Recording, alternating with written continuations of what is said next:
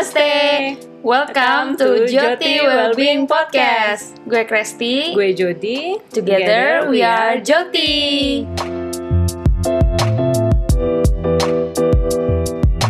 Halo, namaste teman-teman. Namaste. Selamat datang kembali di Joti Podcast. Kali ini kita di episode ke-48. Nah, episode kali ini juga masih seru seperti episode episode sebelumnya karena di sini kita masih ngobrolin tentang Vedic Astrology atau kita singkatnya bilang VA aja, VA, VA, yang mana aja. Nah, jadi kita masih nih sama tamu kita, Sisil, seorang Vedic Astrology enthusiast ya, yang sudah 10 tahun belajar mengenai PA ini uh, dan di episode sebelumnya kita udah ngobrolin. Sebenarnya um, eh ya kita udah ngedengerin backgroundnya. Backgroundnya Sisil kenapa dia uh, suka astrologi terus kapan dia mulai suka gimana gitu kan ya. Dan terutama specifically kenapa sukanya VA gitu kan ya Nah, terus kita juga udah ngebahas tuh di situ di episode 47 itu uh, secara general astrologi itu apa dan Vedic astrologi itu apa. Jadi biar lebih jelas, ya kalau dengerin dulu ya. dengerin dulu episode 47. Nah, baru lanjut. Betul. Soalnya penting nih kita baru bisa kan lanjut. Ya, soalnya penting nih kita harus tahu dulu apa itu yang kita obrolin. Terus kita uh, kasih sedikit juga informasi apa sih perbedaan uh, VA, Vedic dengan Western astrologi, yaitu astrologi pada umumnya yang mungkin teman-teman lebih familiar ya. Nah, terus kita di episode ini tuh kita mau mengulik lebih dalam lagi nih tentang pembahasan Vedic astrologinya. Yuk, kita undang lagi Sisil kembali ke panggung. Hai Sil. Welcome back. Halo Kresti, halo Jody. Halo. Welcome back to Joti Podcast. Nah, oke kita lanjutin nih. Kemarin kita ngobrolinnya uh, sampai ke perbedaannya apa sih gitu kan dan ada beberapa poin ya kayaknya ada sekitar lima apa lima apa lebih ya. Lima kali bener. Uh, terus uh, kita lanjutin. Sebetulnya apakah kalau kita kita punya sedikit pengetahuan aja nih tentang astrologi ya yang mana aja, itu sebetulnya menguntungkan nggak sih? Pengen dengar dong pendapat. Oke, kalau kalau aku pribadi sih tentu aja aku bakal jawab iya. Bias dikit ya. iya, bias sedikit. Um, tapi maksudnya aku ya oke pandangan lainnya mungkin aku tahu sih agak ada orang yang mereka mungkin agak takut kali ya untuk eh, untuk tahu lebih jauh. Hmm. Nah, dan sebagai dan secara bersamaan kalau keuntungannya ya itu bisa bantu mengerti men- dan menerima diri sendiri itu yang kayak jadi juga bi- bilang Iya. di podcast sebelumnya dan dan itu bisa mengerti kalau di dalam diri kita tuh banyak loh lapisan-lapisan nggak cuman apa yang kita lihat nggak cuman apa yang kita kira nggak cuman apa yang orang bilang tentang kita dan Oh, bisa jadi ngertiin kekurangan dan kelebihan kita tentunya Betul. hmm. itu itu satu terus yang kedua itu kalau kita udah ngertiin kalau kita sendiri udah tahu kalau lapisan kita coba itu aja tuh banyak apalagi lapisan orang lain ya kan Hmm. bisa bantu memahami orang lain. walaupun kita nggak ngerti cara bacanya astrologi ini atau divinasi apa pun cukup hanya dengan tahu kalau lapisan seseorang itu banyak dan dalam itu ya semoga bisa bikin kita lebih sabar karena mungkin chart mereka bisa aja lebih berat daripada kita kita kan nggak Ya. tahu hidupnya mereka kayak apa Hmm, hmm, hmm.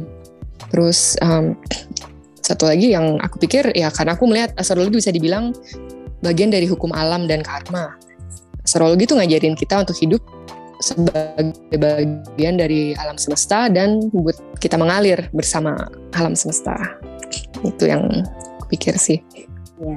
Jadi nggak ber apa nggak maksain kehendak diri sendiri gitu ya, tapi kayak lebih ke going with the flow aja sesuai bintang-bintang kalau kata Mbak Jody.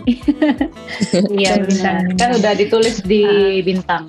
I guess kalau misalnya orang pada mungkin takut gitu ya atau nggak mau tahu Hmm. tentang astrologi tuh ya mungkin masih uh, bisa dimengerti gitu sih karena yang namanya kebenaran kan truth itu kan memang Hmm. Berat Menyakitkan. dan Iya, betul betul. Dan- Oh iya. dalam Bener banget, banget. ya. Dalam kan? dan Truth menyakitkan. hurts. Ada yang Iya. bagus tapi of course kan ya orang nggak mau mendengarkan uh, yang jelek biasanya begitu kan. Oh iya. Susah bener. menerima. Ya ya ya. Hmm. Iya. Tapi terus aku mau kasih agak ini nih apa namanya? ya, Um, a bit of apa sih namanya ya? Kayak poin aja gitu. Kok menurut aku penting jangan kalau walaupun Hmm. tahu astrologi kita bagaimana, jangan sampai dijadiin alasan buat nggak ngelakuin sesuatu gitu atau melakukan sesuatu. Nah itu tuh kayaknya kan misal ya kayak tahu sendiri lah pasti. Iya, maksudnya gini kan kayak em, mungkin yang yang cuman tahu tahu astrologi yang Hmm. zodiak bulanan gitu, jadi kayak oh Mhm. gue tuh Gemini banget atau kayak gue tuh ini eh, Leo banget jadi gue nggak bisa lah begitu atau Ya, something like that. ya. gitu. Jadi ma- secara nggak sadar tuh kita kayak memenjarakan diri sendiri padahal there's so many potential yang kita nggak tahu sendiri. Iya bener banget. Maksudnya bisa aja oke Leonya begitu, tapi siapa tahu kita sebenarnya ada apa sign lain lah. Ya selain itu aku juga mau bilang apa eh, pesan-pesan kecil lah kayak hati-hati sama ramalan-ramalan atau janji-janji astrologer yang meramal masa depan kalian gitu. Hmm. Um, dan terutama kalau mau baca astrologi sendiri sebenarnya bagus, tapi juga um, hati-hati dan pada saat kita ngeramal hidup kita sendiri dan atau orang terdekat tanpa fondasi teknis dan spiritual yang kuat itu nantinya malah bisa takut sendiri jadinya kayak aduh nih apa misalnya misalnya ngelihat ada di bintang kayak apa aduh duit aku nih kayaknya bakal hilang segala macam jadinya malah Hmm. takut atau nanti ada orang mm, segala macam. Jadi kayak kalau sedangkan kalau kita kan belum tentu benar juga kan karena kita ngeramal sendiri kalau kita takut jadinya apa yang kita baca belum tentu benar. Iya. Itu satu dan tanpa spiritual sisi spiritualnya itu penting karena tanpa misalnya dengan meditasi itu jujur aja aku meditasi yang bantu aku juga bu- untuk mengerti planet-planet ya. Jadi kesannya ngelihat planet-planet ini sebagai individual energi gitu loh. Oke. itu kayak ban- mm, bantu banget buat ngebuka gitu kesannya kali ya buat ngertiin dikit. Tapi aku masih ya masih masih jauh banget. Ini kayak cuma dikit aja tapi itu bantu buat buat misalnya nggak terlalu itulah takut atau apa. As a guideline is okay but kayak jangan jangan lupa gitu free will kita juga apa kuat untuk ya lah apa dalam kehidupan kita gitu Iya sih. Lagian masa depan nggak ada yang tahu akan kayak gimana ya jadinya jadi kayak nggak eh, nggak Hmm. apa sih nggak di lock gitu loh. Terus nih, Sil, seberapa besar sih peran Vedic Astrology ini di dalam hidup kita sebetulnya? Uh, perannya sebenarnya kalau kita sendiri tahu kan pengaruh bulan dan rotasi apa rotasi Ya. bulan dan rotasi bumi ke kehidupan kita aja Ah, udah ah, betul betul. apa, udah ya mm-mm. apalagi masuk menurut aku masuk akal ya nggak sih kalau planet-planet itu ada artinya ada ada energi energinya ke kita Mm-mm. jadi misalnya uh, contoh pertama nih dari jam dan tanggal lahir kita aja itu tuh yang sebenarnya yang menjadi dasar kalkulasi pembuatan chart jadi misalnya kalau ada yang nanya oh kenapa tanggal lahir kita sama tapi kok dia begini dan aku tapi nggak nggak begitu nggak sama sama dia. Kita bilang tanggal lahir apa tanggal lahir bulan dan tahun sama semua tapi kok sifatnya beda gitu misalnya. Jamnya ada yang kesamaan beda. pastinya. Mm-mm, tapi terus tapi jamnya beda kan biasanya. Dan kalau keluarganya beda segala macam itu biasa Iya. karmanya bisa agak berbeda juga gitu. Pastinya beda juga sih itu Um, nah itu kelihatan kalau dari Vedic astrologi um, dari naksa, nah, dari naksyatranya karena kan derajatnya bisa beda. Moon sign-nya itu yang paling sensitif biasanya. Terus posisi rumah posisi house di chartnya itu juga bisa berbeda. Misalnya oh kita tahu dari satu um, hal itu yang di Vedic astrologi ada yang namanya divisi divisi rumah. Itu yang lebih detail lagi. Itu yang bisa Divisi menjelaskan rumah misalnya- maksudnya di, di dalam rumah Div- lagi di dalamnya. Salah satu yang paling Oh. penting di Vedic Hmm. astrologi itu yang namanya divisi ke-9. Jadi rumah ke-9 itu paling salah satu yang salah satu yang paling penting di Vedic astrologi. Nah, mereka ambil itu lebih fokus terus dibagi-bagi lagi kalkulasinya, terus dilihat lagi rising sign-nya. Misalnya kayak gitu. Tuh, jadi kayak dan semuanya itu kayak ada ada yang difokus-fokusin gitu semuanya. Hmm. Uh, dan itu salah satu yang juga bedain misalnya anak kembar anak kembar aja kan kita tahu jalan hidup mereka kadang oh yang ini udah married kok yang itu belum married nah itu dari beda dua menit tiga menit aja tuh bisa bisa beda. Iya, aku ngalamin hmm. punya teman kembar beda banget. Iya itu menarik banget. Padahal kan kayak, iya berarti kan ada orang yang bilang berarti astrologi nggak nggak bener kayak gini aja nggak bisa jelasin gitu. Tapi udah udah lihat belum misalnya astrologi yang mana gitu? Apa udah udah detail belum gitu maksudnya kan? Hmm. Yeah. Terus apa ya aku um, ada contoh lagi? Uh, ada sih misalnya yang kalau dari kalau yang tahu cara astrologi kan ada houses-housesnya dari house 1 sampai 12. Mm. Nah, itu mm. mungkin bisa menjelaskan lebih jauh ya berapa seberapa besar peran astrologi di hidup kita. Kalau di Western astrologi kan eh, itu juga sama, Vedic astrologi juga sama, tapi mungkin arti-artinya lebih bisa dibilang agak lebih tradisional, tapi um, but it kind of works dan ter, dan udah di lagian udah juga diterjemahkan ke modern interpretation lately.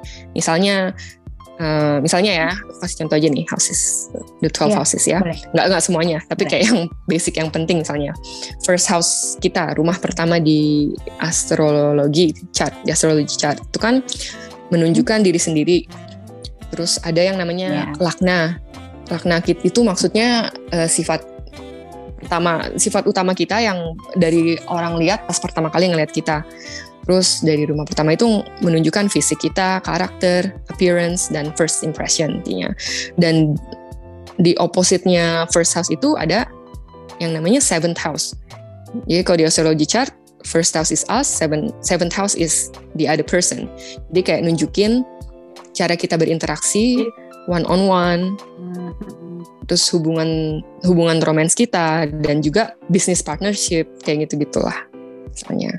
Itu kalau di chartnya kayak seberangan gitu ya? Ya kalau kalau yang di ya ya kalau iya itu di semua chart Western astrology dan Vedic astrology sama ya berseberangan mm -mm.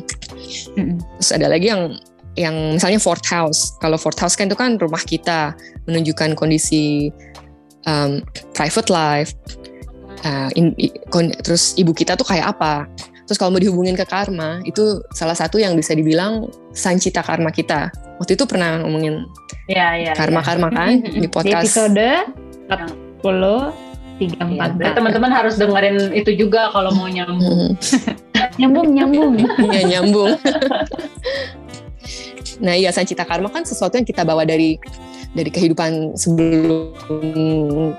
sebelumnya dan kita nggak bisa kita apa ibu kita kayak apa uh, kondisi hubungan kita sama ibu kita itu kan juga bukan semua kayak udah di udah kita tinggal terima gitu kesannya. Kayak kita dilahirkan di tempat itu di rumah itu keluarga kita begitu kayak itu sesuatu yang kita nggak bisa milih gitu. Itu sancita karma makanya kan juga. Salah satu dari itu. Dan ya. kebetulan yang berseberangan dari itu itu tent house which is rumah ke 10 itu Um, kalau empat kan private, kalau sepuluh itu public public life kita. Jadi bisa dibilang karir, reputasi, uh, apa yang kita lakukan di kehidupan kita ini. Dan bisa dibilang juga itu kayak kriya mana karma kita. Karena menyangkut ini yang menyangkut free will dan dan action untuk kehidupan kita selanjutnya. Kayak ini sesuatu yang kita bisa dikontrol gitu loh. Gimana kita mau ber berinteraksi sama orang-orang di di kantor atau mungkin interaksi yeah. lebih seven house cuman kayak ya kayak apa image kita segala macam itu kan kita yang bertanggung jawab gitu. Hmm, action. Ya yeah. hmm. ada lagi nggak? Ada um, banyak ya. Uh, yang nggak sih cuma mau seberapa banyak aja ini. Nggak apa-apa lanjutin boleh. Ya ada. Boleh gitu oh, boleh boleh. ya ini contoh kehidupan sehari-hari misalnya kita ngelihat um, yang basic aja apa ya oh um, oh cewek itu cantik banget nih tapi alami. Padahal nggak dandan nggak apa. Enak aja dilihat. Ah, okay. ya misalnya gitu. Oh mungkin mungkin Venusnya nih di di rumah pertama. Kan kelihatan dari appearance-nya gitu misalnya. Atau bisa aja kalau misalnya di VA nih ya dibilangnya oh mungkin naksyatranya uh, Pusha. Nah tapi ini kayak lebih lebih terlalu detail, detail. lagi ya lebih terlalu detail lagi jadi kayak bener-bener bisa dilihat detail. Jadi kayak um, aku sempet apa uh, lihat dengar apa orang uh, ada yang do she's more like a research jadi kayak research astrologer hmm. gitu hmm. dan dia ngelihat dia ngambil uh, astro apa astrologinya seleb cewek yang yang yang dibilang paling cantik gitu di dunia terus dilihat kesamaannya apa Oh. aja dan dan ada patternnya gitu loh like Oh gitu. mm, dari sun sign-nya Jadi dari several, several girls gitu. ya dan kayaknya Hmm. uh, hampir du- mungkin dia ngeliat kayak 19-20an gitulah jadi kayak oh, may- maybe Oh. more I'm sure I'm sure definitely more Jadi chartnya tuh mirip gitu ya? Uh, bukan chartnya ada kayak mungkin ada sign yang yang sama terus itu sunnya misalnya sun sign, moon Posisinya. sign, nakshatra Hmm. sama Venusnya itu yang Sama empat ya. itu yang Oh. ya mungkin bukan semuanya tapi kayak salah satu dari itu kayak kebanyakan mereka sama. Dan dia pakai beauty beauty standarnya berdasarkan kayak apa? Explanation dari Wikipedia gitu loh. Jadi bukan yang subjektif.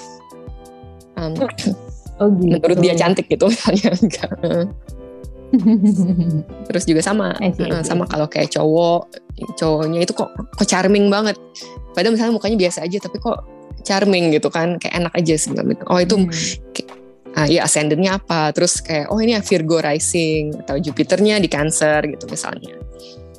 Terus um, apalagi ya yang paling aku suka yang paling kayak gini itu orang kok serius banget. Oh ini mungkin Saturn Saturnusnya banyak nih. Saturnusnya kuat nih kayaknya. Iya, itu itu yang paling sih. Saturnusnya banyak. Eh, Saturnusnya kuat gitu maksudnya apa? Banyak efeknya gitu misalnya di di chartnya. Soalnya kalau di ya dominan soalnya kalau di astrologi sendiri kan Saturnus itu eh, itu juga termasuk yang bagian karma itu kita juga Oh. bisa ngelihat karma dari planet Saturnus Ya kan king of karma ya. iya king of karma Kebetulan kita masih nih masih dikelilingi ya sama Iya. Saturn. Banyak ya contohnya. Ya, jadi teman-teman kalau misalkan penasaran nih, aduh pengen tahu nih eh, Vedic astrologi itu gimana sih bercampur secara Vedic astrologi sebenarnya bisa hubungin Sisil di Instagrammu apa sih? Boleh nggak? oh boleh tapi lewat Joti aja Nanti Oh lo Joti aja. Oke siap siap kita. iya Oh kita boleh. manajer juga kok sekarang. iya ya berarti eh, kalau mau eh, reach Sisil, mau menghubungi Sisil lewat Joti, Iya. nanti kita Nanti kita refer. refer ke Sisil. Oh iya, Iya. kalau mau sorry sorry sebelum lupa, kalau mau tahu Vedic astrologi bercatnya apa, siapkan tanggal lahir yang lengkap ya, tanggal, bulan, tahun sama jam lahir.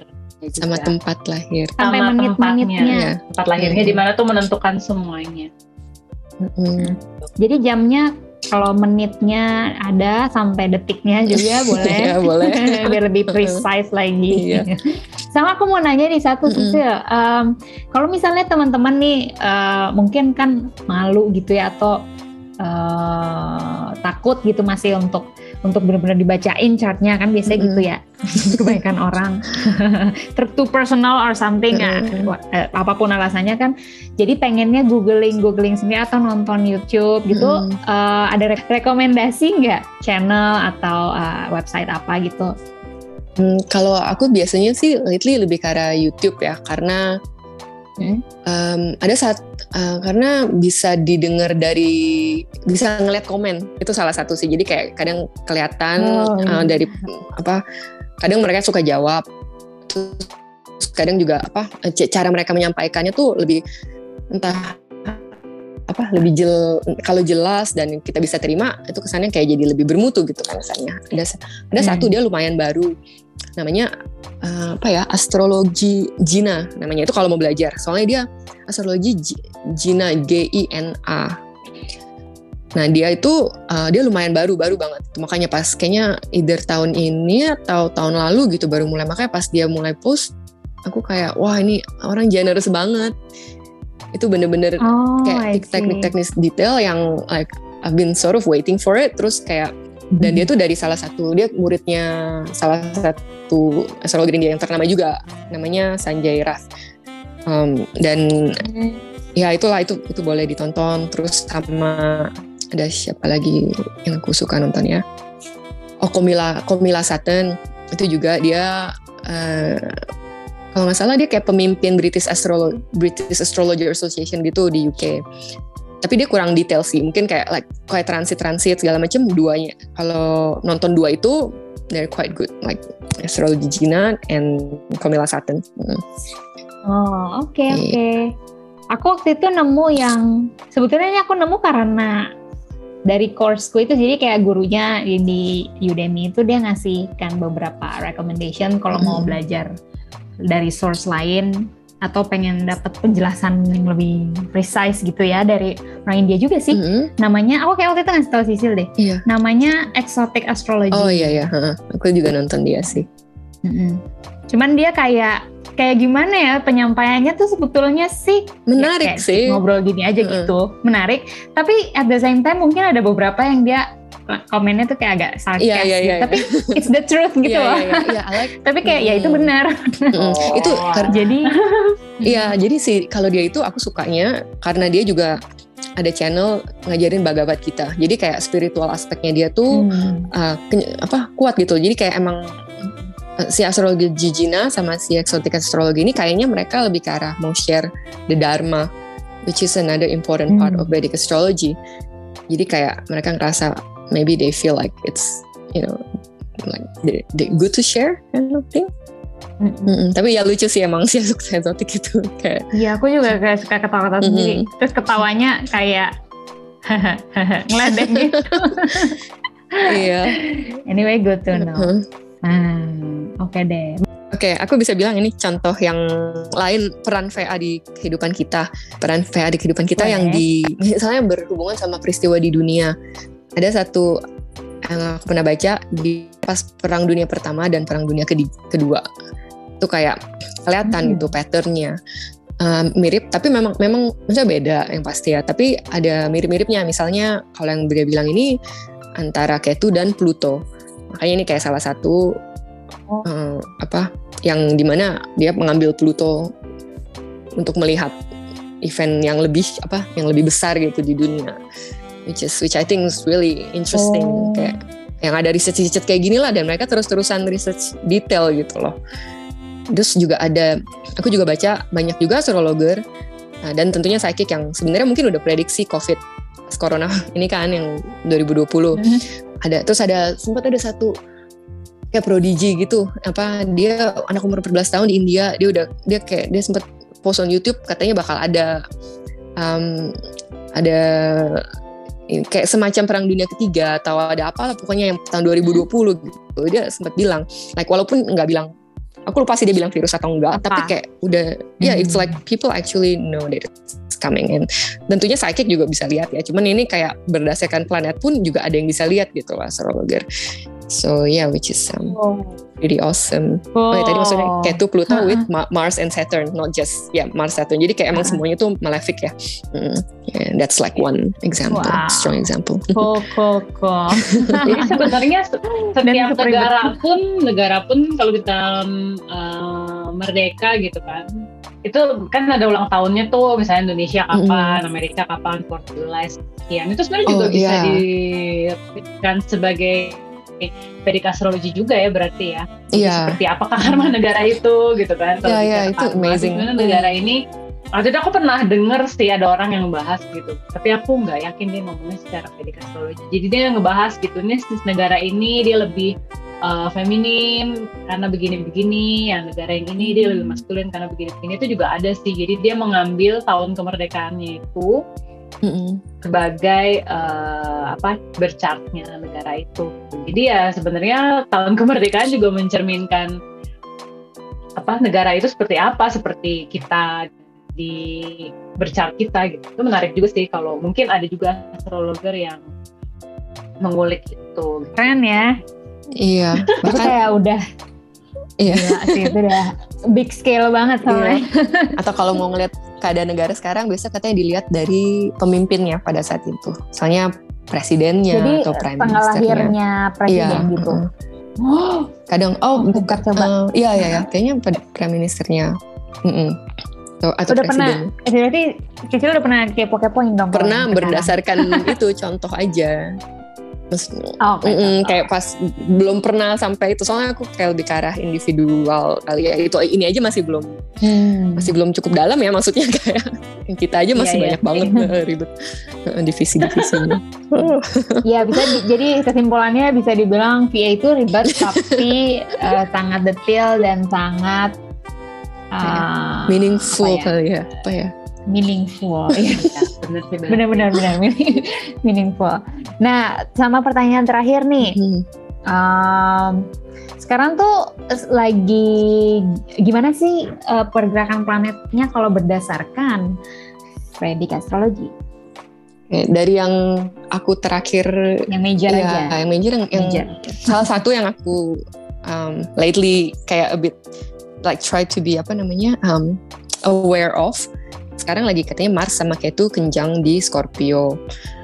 Uh, itu Mars itu Gimana tuh? uh, sebenarnya Mars itu kuat. Lagi dia dia strong di Scorpio. Karena karena memang apa namanya karena kalau di kalau di VA itu kan ada yang namanya ru- rulership. Jadi setiap planet itu me, punya, punya. landlord. ya ya jadi kayak punya punya dua sign gitu. Kecuali Sun sama Moon ya. Sun itu Ah. punya uh, Leo terus uh, Moon punya Cancer. Sisanya kan pada punya dua-dua masing-masing punya dua kan? Nah si Mars ini Aries sama Scorpio. Sebenarnya Mars itu paling bagus di Aries. Karena sign sendiri dan paling bagus di Capricorn. But then that's another topic which we'll not talk about now. Um, dan sekarang Marsnya lagi Scorpio. Walaupun itu Scorpio signnya di bawah Mars tapi karena sebagai secara elemen Mars itu fire api Scorpio, dan air. Scorpio itu water air. Jadi kesannya kayak ada tahu kan air sama api kalau itu jadi ya begitulah jadi amat. Ya kayak saling berantem gitu deh agak-agak berantem tapi tetap tapi tetap bagus gitu tetap kuat sebenarnya. Tapi jadinya Ya. mesti hati-hati kita. Dan Ketu sendiri juga strong di Scorpio gitu kan. Karena emang salah satu sign yang nah itu lagi PDX astrologi ada satu kalau Rahu ada Rahunya strongnya di seingat aku di Taurus di sama di Gemini. Ada yang bilang juga di Virgo. Nah kalau di, di Ketu Ketunya lagi strong di Scorpio sekarang. Dan dia juga menambah kekuatannya si Mars ini. Dan Ketu itu fire jadi kayak double fiery Double fire. strength gitu loh. Jadi kesannya kayak um, dan jadi intinya sih sebenarnya kalau buat kalau buat kita secara general ya hati-hati sama ucapan sama tindakan sama ini kita jangan terlalu cepat ke bawah emosi kali ya mungkin dibilangnya Hmm. Mm. Iya. salah satunya itu dari kapan 6 Desember sampai Januari kalau nggak salah Januari 2022 19 Januari Lama ya. iya sabar Emang katanya si exotic astrology itu tuh dia bilang kayak ya this is the point where you want to level up in your life gitu loh. Jadi kayak wah so heavy. Berat banget kayak iya level up-nya melalui cara Aku ini. dari tanggal 6 itu emang kehidupanku sangat seru sekali. dan dan dan kalau dari Vedic bisa kelihatan misalnya Mars ketunya Scorpio ya di chart kamu Scorpio kamu tuh ada di house mana nah itu efeknya bakal kelihatan di chart kamu Di chat ya begitu Mm-mm. di house yang mana Oh. gitu Mm-mm. menarik banget. Iya begitu research aku sih ya kalau misalnya bersedia Ya setuju. jadi bahan Aku- Bener-bener seneng banget deh menamakan nama podcastnya Joti. By the way ya, menyimpang dikit kok yang yang barusan gue sebutkan. Joti. Oke deh teman-teman, gak selesai dari tadi ini terus perpisahan terus tapi gak ada yang ngomong terus. Karena kita tidak mau mengganggu waktu sisi lagi karena sudah semakin malam di sana. Jadi kita uh, summary aja. belum Oke, jadi tadi di episode ini kita sudah dijelaskan ya kayak eh, apa sih keuntungan jika kita memiliki sedikit pengetahuan tentang astrologi gitu. Yang pastinya ya kita jadinya lebih eh, bisa intros- introspeksi diri mungkin ya. Karena banyak banget layer yang kita nggak tahu dengan kita dikasih dibacakan chartnya Em, lalu peran Vedic astrologi di hidup kita ya luas Iya, banget cocok. banyak gitu dari Mm-mm. secara individu aja udah banyak sampai mungkin uh, apa bisa juga untuk untuk secara big scale gitu ya ya intinya em, intinya kayaknya kembali ke uh, apa yang udah Joti pernah sampaikan di trailer 2.0 Joti. Jadi terima aja dulu informasi yang diberikan ini secara uh, open. Jadi open mind, open body, open heart gitu terima aja gitu dulu. Ya biar efektif. Jadi ya mana tahu kan ilmunya akan berguna juga ya siapa tahu teman-teman malah jadi kayak wow pengen belajar Vedic astrologi gitu selamat teman-teman malah bagus ya kan oke okay. alright thank you banget Sisil uh, atas ilmunya juga Iya, yeah, thank you, thank you banget udah di invite. Semoga nggak kapok. Jadi iya. Tamu Joti dan banyak tantangannya ya. selama rekaman. iya, sukses juga nih Joti. Thank you, See you next time. Bye-bye. See you. Bye-bye. See you on next, on next episode. episode. Bye-bye. Bye-bye.